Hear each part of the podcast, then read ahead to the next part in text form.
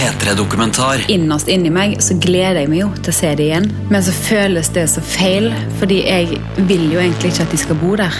P3. Det regnet her for, for tre uker siden. Da sa min medkoordinator at hun fikk støt av å gå inn i leiren. Alt hun tok på fordi at det ligger så mye kabler og vann leder jo strøm. Jeg får hele veien en sånn følelse av at jeg har så lyst til å snu tilbake i tida. Hvorfor skjedde det? Og jeg har så lyst til at det aldri skulle på en måte ha skjedd med de, med noen, men at det aldri bare skulle skjedd. Jul i Hellas. En P3-dokumentar om å drive hjelpearbeid for flyktninger. Jeg heter Siri Bråtvedt.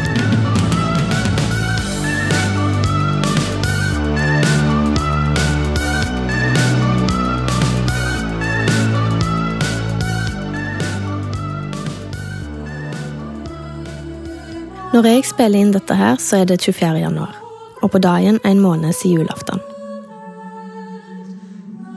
I denne dokumentaren skal vi spole litt tilbake igjen i tid og følge noen damer som har valgt å feire jul i Hellas. Historien starter to uker før jul på Sofienberg i Oslo. Jeg står ut forbi og ringer på hos Siv. Siv er psykiatrisk sykepleier og leder i dag organisasjonen Dråpen i havet sitt arbeid i flyktningleirer nord i Hellas. Hun var med på det aller første teamet som reiste til Lesvos i regi av Dråpen i havet sommeren 2015. Jeg ante jo ikke hva jeg gikk til. Eh, virkelig ikke. Eh, jeg eh, tenkte liksom at nå vet jeg ikke hva jeg går til i det hele tatt. Eh, men jeg stolte på at med tanke på min yrkesbakgrunn at jeg ville takle det. Eh, og så kom vi ned eh, på kvelden, på en lørdagskveld. Klokka seks neste morgen så kom den første båten, da. Men det opplevde ikke jeg så veldig dramatisk. For da, det gikk fint. Altså, det var varmt. Eh, de var våte, men det var jo varmt. Det var sol. Det var jo dramatisk for mange, men, men det var òg mye glede. For det at når de kom i land, så hadde de nådd Europa. Og de skulle ikke være i Hellas så lenge før de kunne dra videre. Eh, og da var jo grensene åpne. Når vi kom til Domeni i mars, så syns jeg jeg så en helt annen eh, håpløshet i øynene. Eh, spesielt kanskje til mennene som skal ta vare på familien sin. Da husker jeg det kom en mann bort til meg og ei annen og bare på en måte spurte sånn Hva gjør vi nå? Og der vi sa Jeg vet ikke om det er så veldig mye å gjøre. Og da så jeg på en måte øyn, altså, øynene hans uh, Det var liksom mitt første møte med at jeg tenkte herregud, der er liksom håpet vekke. Der du ser i øynene at um, Masse fortvilelse og, og håpløshet. Om mindre enn ei uke skal Siv reise ned igjen til Hellas. Nå forbereder jeg meg ikke i det hele tatt. Eh, verken mentalt eller eh, på noen måter, egentlig. Jeg gleder meg eh, og gruer meg, men eh, det er litt sånn eh, Jeg har vært der så lenge, og den leiren vi jobber i der, kjenner jeg så godt. Og jeg kjenner folkene.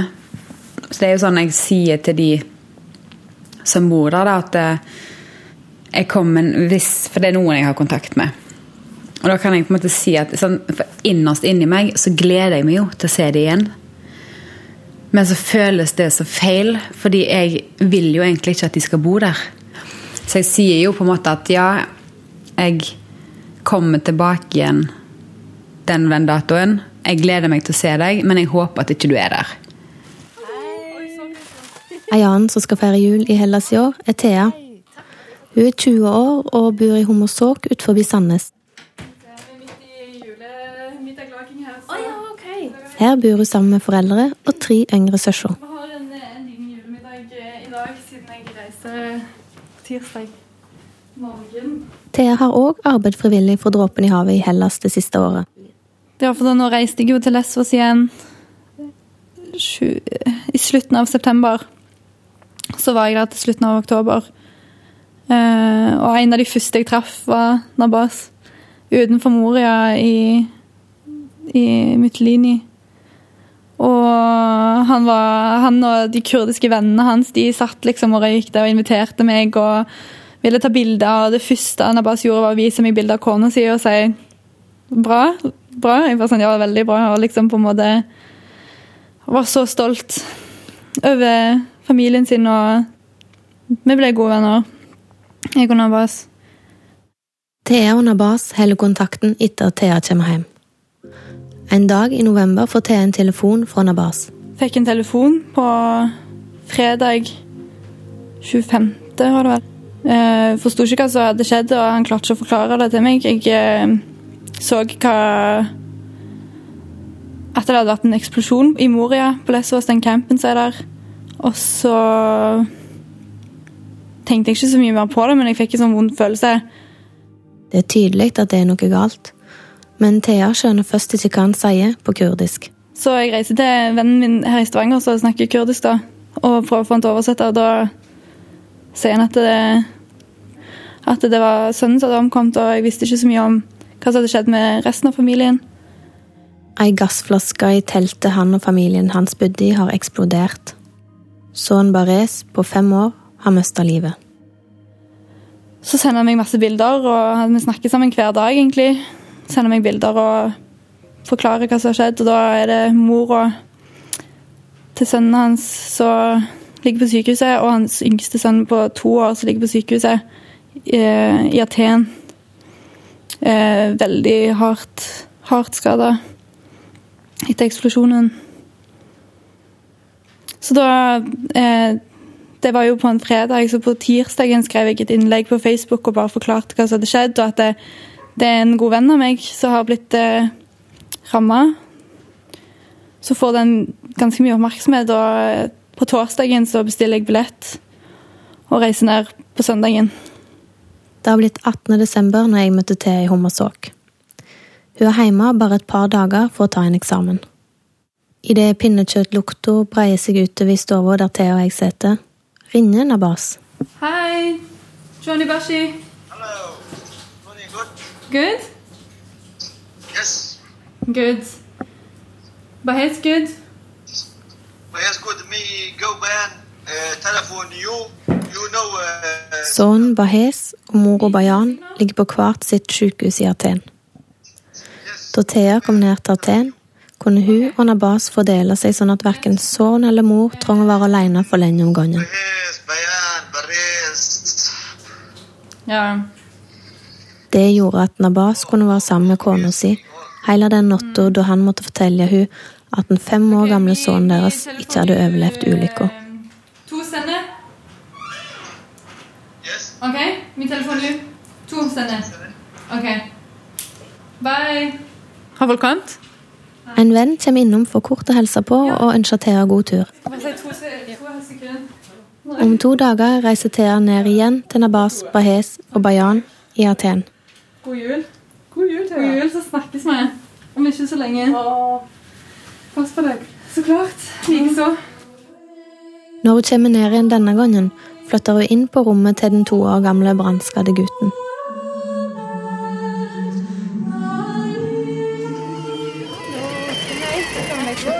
Neste gang jeg møter Siv igjen, er det lille julaften. Vi står på ei nedlagt flystripe nord i Hellas. Det er kaldt og det blåser surt, sånn det visstnok alltid gjør her. Noen unge menn står i en halvsirkel med armene på skuldrene til hverandre og danser. Vi er i flyktningleiren Nea Kavala, der det bor ca. 600 syriske flyktninger. For bare en måned siden bodde de i telt her. Nå har alle fått flytta inn i det som blir kalt isobokser, hvite konteinere som er plassert ved langs flystripa. I en av disse konteinerne bor 17 år gamle Sidra sammen med foreldrene og lillesøstera si. Siv og jeg blir invitert inn og får servert kaffe i søltetøyglass av mor til Sidra. Veggene her inne er helt hvite, foruten et par små sommerfuglklistremerker som henger i et hjørne. سنين بلا دراسة أول خلصت السابع نجحت على الثامن بدي أكمل صار حرب وطلعنا من سوريا وبتركيا ما قدرت أكمل لأنه ما كان معي جوازات ولهلأ بلا دراسة صار لي خمس سنين Sidra forteller at det er fem år siden hun og familien reiste fra Syria, og siden da har hun ikke gått på skole. Via tolken spør jeg hva hun savner mest fra livet hun hadde før.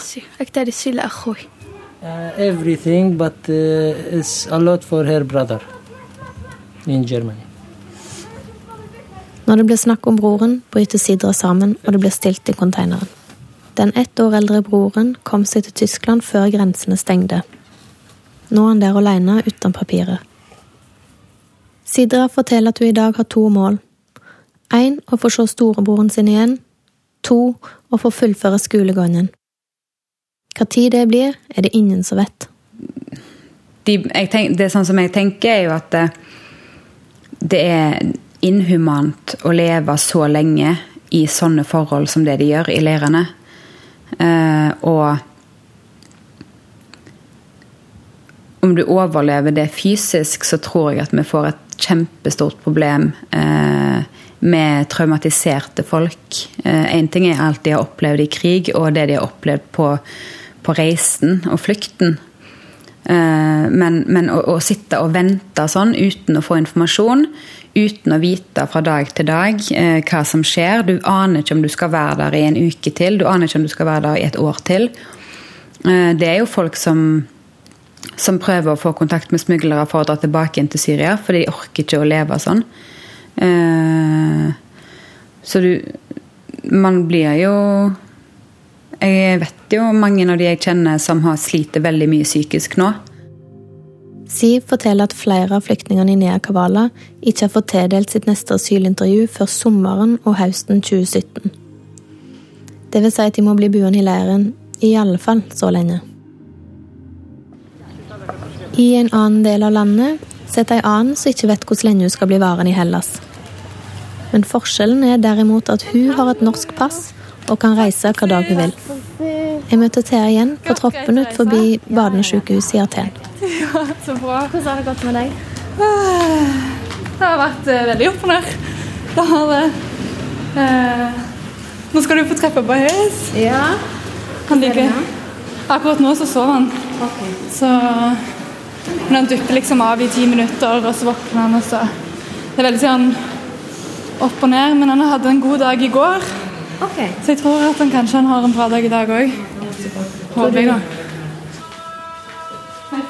I enden av den blå gangen som er pynta til jul med dekorasjoner og et juletre, er rommet som Thea nå har flytta inn på. I tillegg til Bahez bor det òg to andre brannskadde gutter her. Begge to syriske flyktninger. Det er Aman, lille vennen vår. Han er tiåring fra, fra Kurdistan, Syria. Så var i en camp i Tessaloniki, så begynte det å brenne i, i teltet deres av en sånn teknisk feil. Så de har amputert eh, fingrene hans, og han ligger på respirator, som du ser, og så hele fjeset ganske hardt brent. Det, ja, det er ganske trist, men vi har blitt gode venner. Mens eh, han lille gutten som ligger rett ved siden av Bahes, han eh, er en eh, liten gutt fra Aleppo som bor i en camp her i Aten. da. Så fikk han kokende vann på hele fanget. Så han har brannskader, men de er ikke så, de er ikke like alvorlige som Bahes og han andre sine. Mm. Så han er her med pappaen sin, og han, her, han andre er her med mammaen sin. Mm. Veldig koselig. Så her holder vi til, da. For meg, som er her for første gang, er det alt annet enn koselig. Selv om alle tar varmt imot meg. Det er varmt, og lufta er innestengt. Fordi ungene er forbrente på store deler av kroppene, kan de ikke ha verken dyne eller noe annet over seg. I tillegg er det trangt, og jeg må be Thea forklare meg hvordan de gjør det når alle skal leie seg. Eh, jeg tar denne senga bort her, og så i natt sovner Bass på gulvet. Så det er litt sånn Det er ganske fullt dette rommet nå, som du ser. Det Såra og tebahes må vaskes og smøres flere ganger til dagen. Det er ikke gøy, hæ? Du vet hva som skjer nå? Når han ser at Thea tar på seg de hvite hanskene, skjønner han godt hva som skal skje.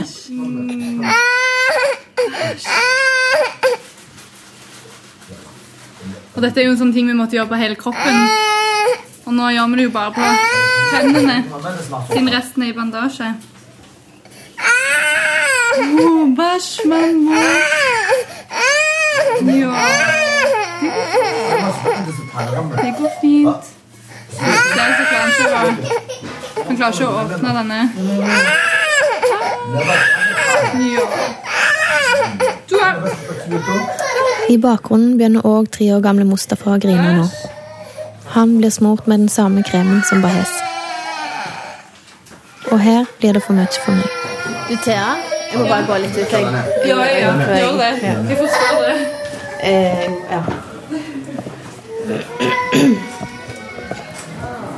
Jeg skjems av at jeg må gå ut, men jeg er redd for å besvime om jeg ikke gjør det. Kombinasjonen av det jeg ser, lyden og lukta på rommet, blir for mye for meg.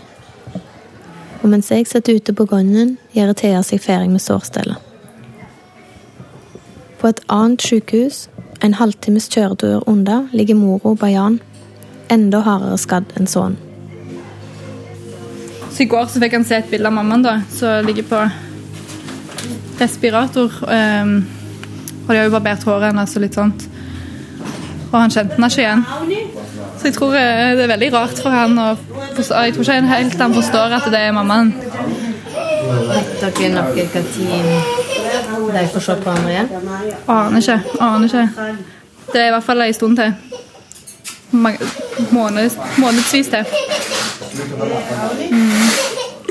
For nå har de begynt å um, transplantere hud, så nå skal alt gro. Det som de har tatt på, og det som, det som de har tatt fra. Og når, det, det, når ryggen som de har tatt fra, er bra igjen, skal de ta mer. Så skal de sikkert holde på sånn eh, I hvert fall et par ganger, tror jeg. Og men han er veldig, veldig flink. Han eh,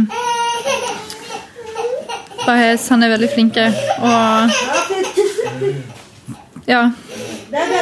Veldig sterk og flink og holder ut. Selv om han ikke har noe valg, da, men eh, Men du har jo et valg.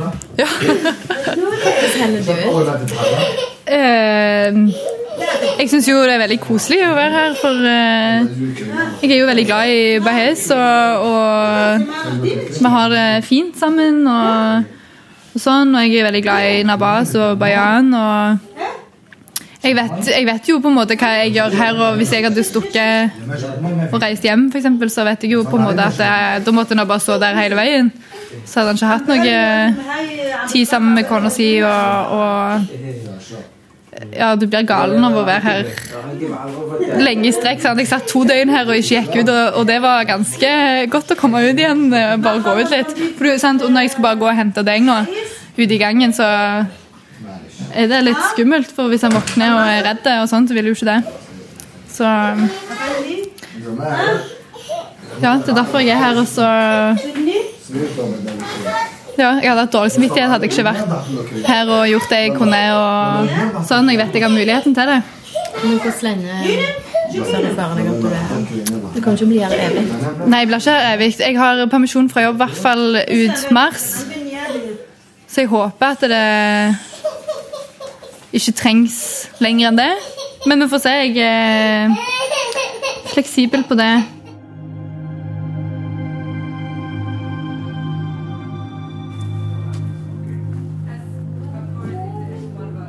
Tilbake i Nord-Hellas, på et varelager utenfor leiren, møter jeg en gjeng frivillige som sorterer klær som skal kjøres med buss til Aten. I motsetning til her mangler flyktningene der varme klær. I Nea Kavala skal nå alle ha fått utdelt vinterklær. Men vi vet jo at de bruker alt de har av tepper og soveposer, og de sover med ytterklær i tillegg til det på nettene fordi det er så kaldt. Uh, utrolig uverdige forhold uh, i, i leiren. Eh, de må stå i kø for hver gang de skal ha mat. eh, hver gang de skal ha, få nye T-skjorter eller eh, klær eller andre ting som de trenger. da. Eh, så det var, det var ganske tøft å se når de står i kø, og dette er jo mennesker som De har ikke levd i fattigdom hele livet. sant? Altså Det er så utrolig nedverdigende å se på at de må stå i den køen for å få en genser, på en måte.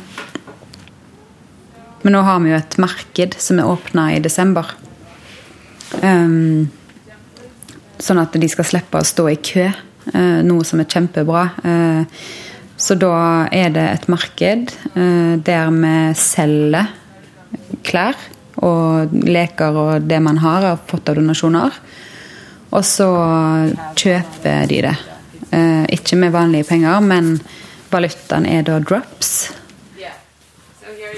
Ei av de frivillige jeg møter på lageret, er 29 år gamle Marie. Hun har vært i Nord-Hellas og jobba som koordinator for Dråpen i havet siden oktober. Den siste tida har hun arbeidet hardt for å få på plass det som ligner en butikk, for at folk skal slippe å stå i kø for å få utdelt klær. Eh, så det har jo vært eh, det viktigste for oss, og kanskje det største øyeblikket for meg mens jeg har vært her og jobbet veldig mye med å få markedet opp. Og være der den første dagen hvor folk går inn med veldig hodet hevet og, og har rett og slett veldig mange valg da, til å, til å, bestemme hva de vil ha. Og også hvis de ikke har lyst på noe, så er det på en måte et, et valg. Eh, så det er helt klart at det er en veldig mye verdighet i det å kunne velge selv. Eh, å kunne velge noe som passer deg, rett og slett. Jeg liker at det er sånn Adele soundtrack. du jobber plutselig i en flyktningleir. Plutselig så er det teamet med Dråpen i havet en del av eh, en del av flere organisasjoner som skal faktisk drifte en flyktningleir. Og det er ganske seriøst arbeid. Da er det ikke bare å stå på strendene og ta imot båter og kunne dra når du vil. Da er det ikke lenger å bare dra inn i en leir og dele ut, og når du er ferdig, så går du hjem. Altså, eh, det er kjempeseriøst arbeid. Jeg blir med Marie til et annet varelager som Dråpen i havet disponerer, der det skal bli levert fire paller med klær som kommer fra Spania. I bilen forteller Marie meg litt om hva problem de står overfor i leiren. Det regnet her for, for tre uker siden. Da, da var jeg hjemme i Norge, og da sa min medkoordinator at, uh, at, hun fikk støt av å gå inn i leiren. Alt hun tok på fordi at det ligger så mye kabler og vann leder jo strøm. Uh, så det har vært en ganske sånn alvorlig uh, alvorlige problemer med elektrisiteten, og spesielt at når du før de, For kanskje tre uker siden så fikk de sånne kerasinvarmere som er ganske sterke, og de fungerer bra. Det er visstnok noen som også mener at de blir syke av dem nå, så det, det har jeg ikke helt fått bekreftet. Men, men, før det så hadde du da alle disse menneskene som ikke hadde noen kilder til varme i det hele tatt. Altså, de hadde ikke varme i konteinerne sine. De hadde, har jo ikke fått noe De fikk klær av oss, heldigvis, men ikke noe klær som eh, av UNHCR. Det var jo nå 19.12. at de valgte å distribuere klær for første gang. Eh, de hadde ikke noe varmtvann, fordi alt varmtvannet går på elektrisiteten. Så det å forestille seg å ikke ha noen kilder til varme altså Man tenker seg når man er ute i Norge og det er iskaldt, og du vet at snart kommer du hjem og du kan sette deg foran peisen eller foran varmen eller, og bare vite at det eksisterer. da. Eh, det, det syns jeg er eh, Ja, når du prøver å tenke deg til den situasjonen, så, så blir de forholdene helt ulevelige. Så det er mange organisasjoner og mange idealister som kommer inn i, i leiren, og så basert på forskjellige kriterier så velger de å flytte noen ut av leiren. Selv om det er en flyktningleir, så så har man, har man grunnleggende behov dekket. Altså man får mat, man får legehjelp av Røde Kors, man får eh, juridisk hjelp, eh, man får klær av oss, man får mat av oss. Og disse tingene er eh, Disse behovene tror jeg veldig mange av de som flytter, folk ikke vet om, eller i hvert fall har kunnskap til å vurdere om de burde flytte dem. Og det har vært noen saker f.eks. med frivillige som har kommet inn, og så har de betalt av for et hotellrom i to, to uh, måneder, men så har de ikke tenkt på hvordan disse menneskene skal komme seg til intervjuene sine, som er over hele Hellas. De har ikke tenkt på uh, at de må ha telefonregninger, altså alle de tingene som følger med at du ikke bor i leiren lenger. da. Idet vi når varelageret der pallene med klær skal leveres, begynner det å gå opp for meg hvordan komplekst og vanskelig det er å drive hjelpearbeid for flyktninger.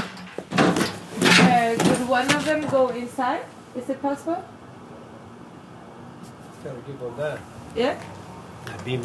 Ah, okay.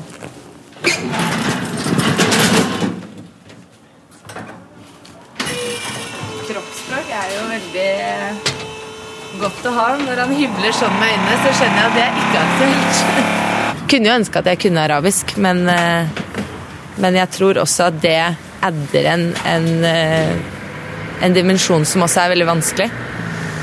Um, så vi, har jo, vi er jo heldige å ha noen uh, oversettere som gjør at vi, vi kommuniserer ok med beboerne i leiren.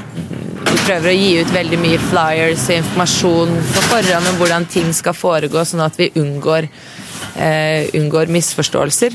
Og da er det veldig godt å ha oversettere også som kan på en måte fortelle hva vi driver med innad i campen. Ikke bare angående liksom spesifikke distribusjoner, men også hva slags organisasjon vi er. Eh, for det opplevde jo vi veldig mye av i Herso, eh, hvor det var en litt mer spent stemning. Eh, at de trodde at vi var en kjempestor organisasjon med masse penger, og at vi tok pengene selv istedenfor å kjøpe nye klær. Det er derfor vi kom med brukte klær osv. Så, videre.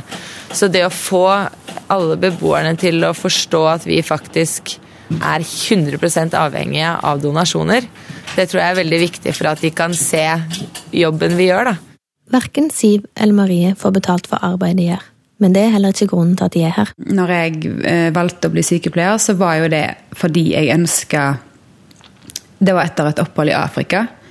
Der jeg tenkte at oi, jeg må bli sykepleier, for jeg har lyst til å jobbe med Leger uten grenser. Og jeg har lyst til å jobbe med humanitært arbeid. Uh, og så ble jeg sykepleier. Men så dro jeg aldri og jobba med humanitært arbeid fordi jeg ble komfortabel med jobben min i Oslo, og jeg fikk fastlønn hver måned og hadde mitt liv.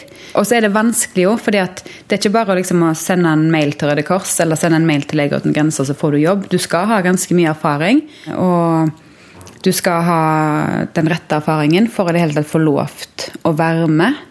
Eh, så det har alltid ligget i meg. Eh, men når jeg da oppdager at oi, nå kan mannen i gata bare dra ned og hjelpe i denne flyktningkrisen, da tenkte jeg nå gjør jeg det. Nå er det min sjanse til å faktisk få lovt å gjøre noe som jeg har hatt ønske å gjøre veldig lenge. Marie har en master i finans, og sa i fjor sommer opp jobben sin som konsulent for å reise til Hellas og arbeide frivillig. I takt med at fokuset på flyktningkrisa i media økte, hadde hun begynt å kjenne på en følelse av at det hun drev på med, var likegyldig. Det er klart at jeg er jo heldig, og jeg har bodd i Oslo, hatt en trygg jobb og venner og trygg familie, og alt har vært ganske greit, som har gjort at at uh, mitt fokus eller ting jeg har gått opp i hjemme, har vært mer på en måte kanskje selvsentrert. da, Og tenkt på at nå ja, nå burde jeg trene litt mindre, eller Nei, trene, trene litt mindre, har jeg nok aldri tenkt. Men uh, trene litt mer, eller uh, Så er det viktig å liksom Hva skal jeg gjøre den helgen, eller Altså, det, du får et sånt Det er vanskelig å forklare, mens her blir det helt sånn ekstremt uviktig hvordan jeg ser ut, eller eh, hvordan jeg på en måte fremstår. så lenge jeg gjør en god jobb. Eh, og det, det, er nok noe som Sikkert også noe av grunnen til at jeg ville gjøre noe helt annet. Så jeg tror jo en del har endret seg i meg.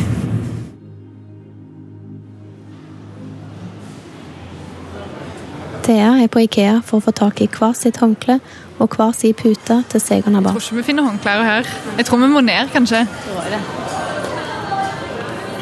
Oh, det hadde vært kjekt med dyna òg, men det var litt mer. Det får vi ta seinere. Men hva har du nå, da? Bare dyna. Nei, puta. Så bruker vi av og til Av og til får vi laken eh, så de tar på sengene til de som er syke, da. Så vi får liksom de lakenene som vi kan ta på våre eh, senger og sånt. Men som regel sover jeg uten laken og uten pute uten dyna. Så nei, det er liksom bare å legge seg ned på den greia og så sove. Sover du godt, da? Eh, blir så trøtt at du på en måte bare gjør det. Det er ikke god søvn, og så våkner jeg jo veldig mye på nettene fordi jeg våkner og er sulten eller vil ha noe eller har vondt. Så det er ikke god søvn.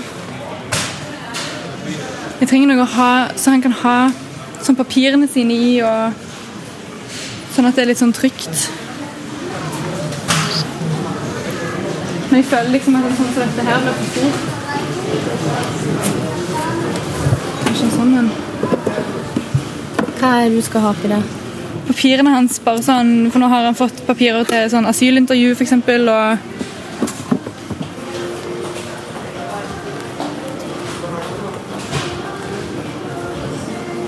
Når har, han- har han fått dato for intervju? mm, I sommer. I sommer? Mm. Så, Nabas og Bahez har blitt kalt inn til asylintervju til sommeren. Bayan derimot har ikke fått innkalling. Fordi hun er så brannskadd i ansiktet og forbrent på fingrene, er det ingen på sykehuset som vil gå god for at hun er den hun sier at hun er. Når hun vil bli kalt inn til sitt asylintervju, er det derfor ingen som vet. For meg er det vanskelig å forstå hvordan Thea greier å stå i dette. Hvorfor hun er her, rett og slett. For det er ingen som forventer at hun skal gjøre det hun gjør. Og i taxien, på vei til bars, lurer jeg på hva hun får ut av å være her. Um, jeg får uh, hjelp av vennene mine, som er veldig viktig for meg. Og spesielt siden jeg vet at det, hadde ikke jeg gjort det, hadde ingen gjort det. Så det er viktig å, for meg å gjøre. Um, og så får jeg eh, mye kjærlighet og mye takknemlighet utover å være her, og det føles jo bra. Og, og jeg eh, er jo veldig glad for at, har, at de lar meg være her og hjelpe dem. Um, for de er jo i en veldig sårbar situasjon. Jeg lurer på hvor Thea ser seg selv om ett år. Aner ikke. Jeg, planen er jo å begynne å studere og, og sånn, men det er umulig å vite om,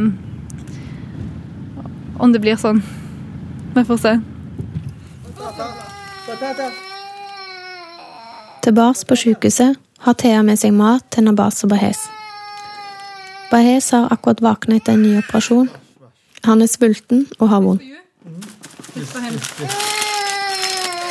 All good? Uh, finish what time?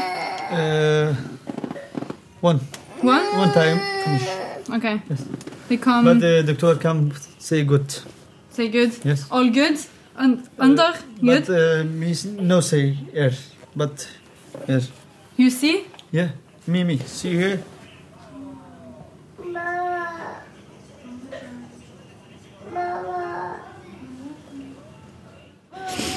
Jeg får hele veien en sånn følelse av at jeg har så lyst til å snu tilbake i tida. Hvorfor skjedde det? Og jeg har så lyst til at det aldri skulle på en måte ha skjedd med de, med noen, men at det aldri bare skulle skjedd. Og så tviler jeg, begynner jeg å tenke på om, det, gres, om de greske legene kunne ha redda han, om de på en måte ikke gjorde nok. Uh, ja, det er mye tanker, og det er mye Veldig vanskelig. Akkurat det.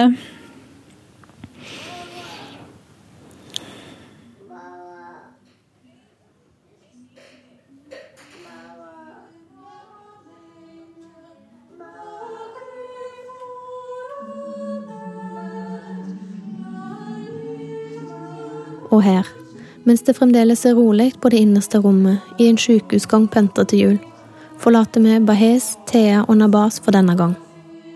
Vi tar en siste tur til nord, der Siv, Marie og de andre frivillige har laga til ei lita julefeiring for beboerne i leiren.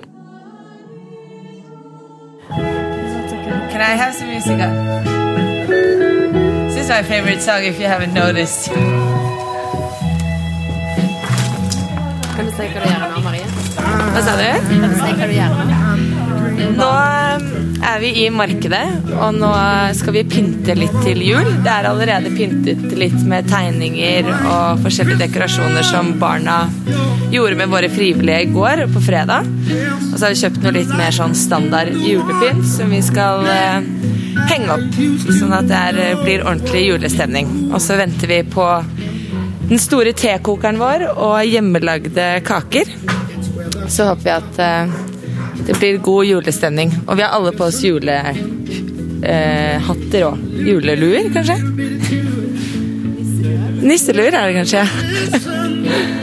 eh, ja, så snart så skal vi åpne dørene for, for alle beboerne i leiren.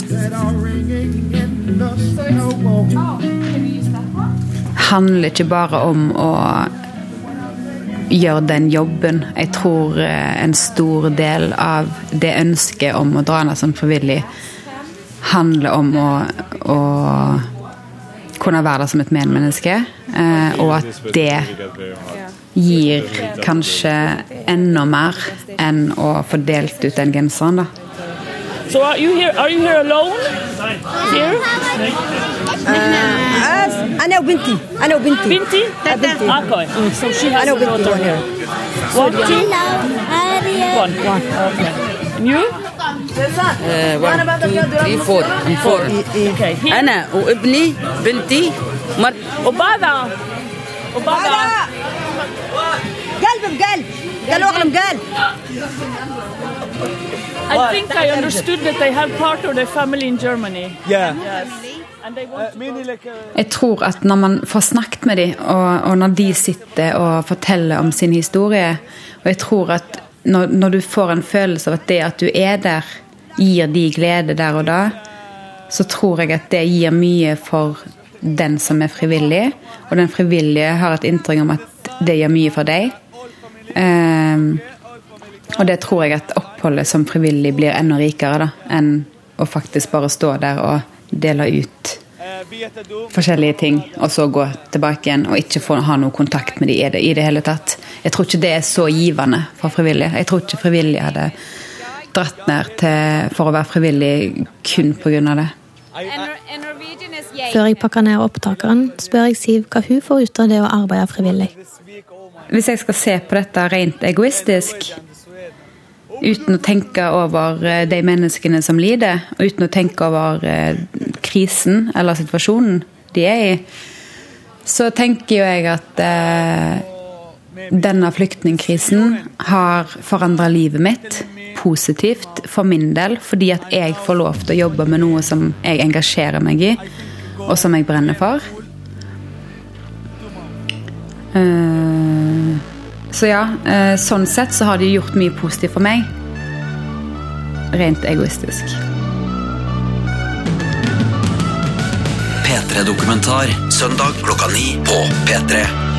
Se, les og lytt mer om denne historien når du vil på p3.no.